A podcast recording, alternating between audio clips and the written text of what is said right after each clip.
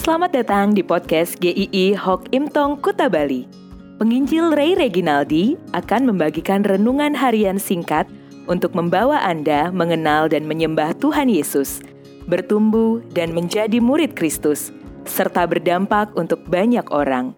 Jika Anda merasa diberkati melalui renungan ini, silahkan bagikan podcast ini agar orang lain juga diberkati. Inilah renungan hari ini.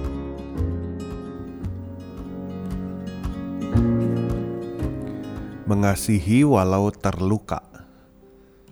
Matius 5 ayat 46 Apabila kamu mengasihi orang yang mengasihi kamu, apakah upahmu? Bukankah pemungut cukai juga berbuat demikian? Satu kali saya bicara dengan seorang bapak. Dia orang Kristen dan saya menanyakan kepadanya karena baru kenal. Kalau bapak asal dari mana? Keluarga bapak ada di mana?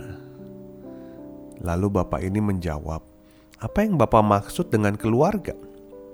Kadang keluarga kita juga tidak seperti keluarga. Dari kalimat bapak ini tersirat ada satu permasalahan dengan keluarganya. Banyak cerita yang sedih tentang keluarga. Ada suami istri yang pernah berjanji akan saling mencintai dalam keadaan apa pun menjadi saling menyakiti lewat kata-kata.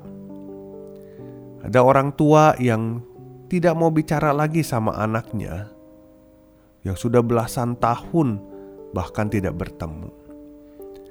Ada anak yang sangat membenci orang tuanya. Belum lagi bisa ada kakak beradik yang saling beradu di pengadilan karena masalah harta.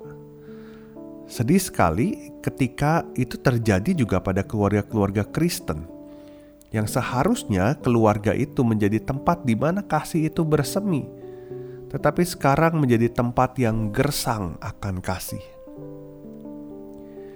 Tuhan Yesus melontarkan satu pertanyaan yang perlu kita renungkan. Apabila kamu mengasihi orang yang mengasihi kamu, apakah upahmu? Bukankah pemungut cukai juga berbuat demikian? Pemungut cukai adalah orang yang sangat dipandang buruk pada saat itu. Seorang penjilat, seorang pengkhianat bangsa, orang yang egois, yang rakus akan harta. Pokoknya dia orang yang jahat. Tetapi dikatakan orang pemungut cukai bisa mengasihi. Tetapi kalau orang lain mengasihi dia, kalau ada orang menguntungkan dia, dia pun akan mengasihi orang itu. Orang-orang dicap jahat sekalipun bisa mengasihi, tetapi timbal balik. Cara murid Kristus berbeda. Kita bukan berprinsip lu baik, gua baik, lu jahat, gua bisa lebih jahat.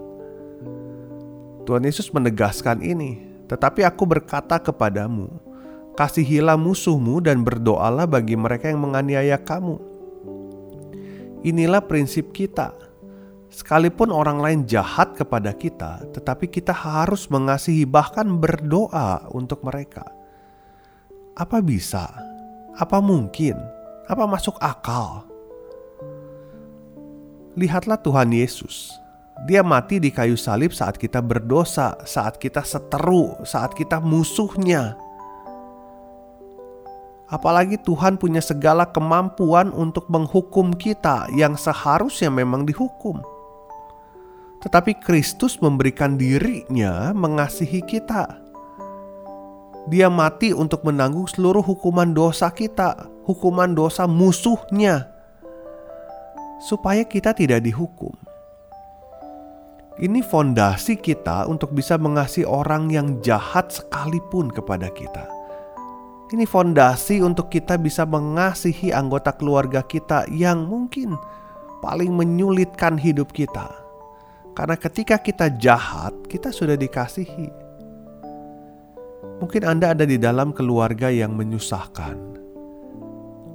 Orang yang menyebalkan itu adalah justru keluarga Anda. Mereka lah yang menorehkan luka-luka yang menyakitkan di dalam hidup Anda.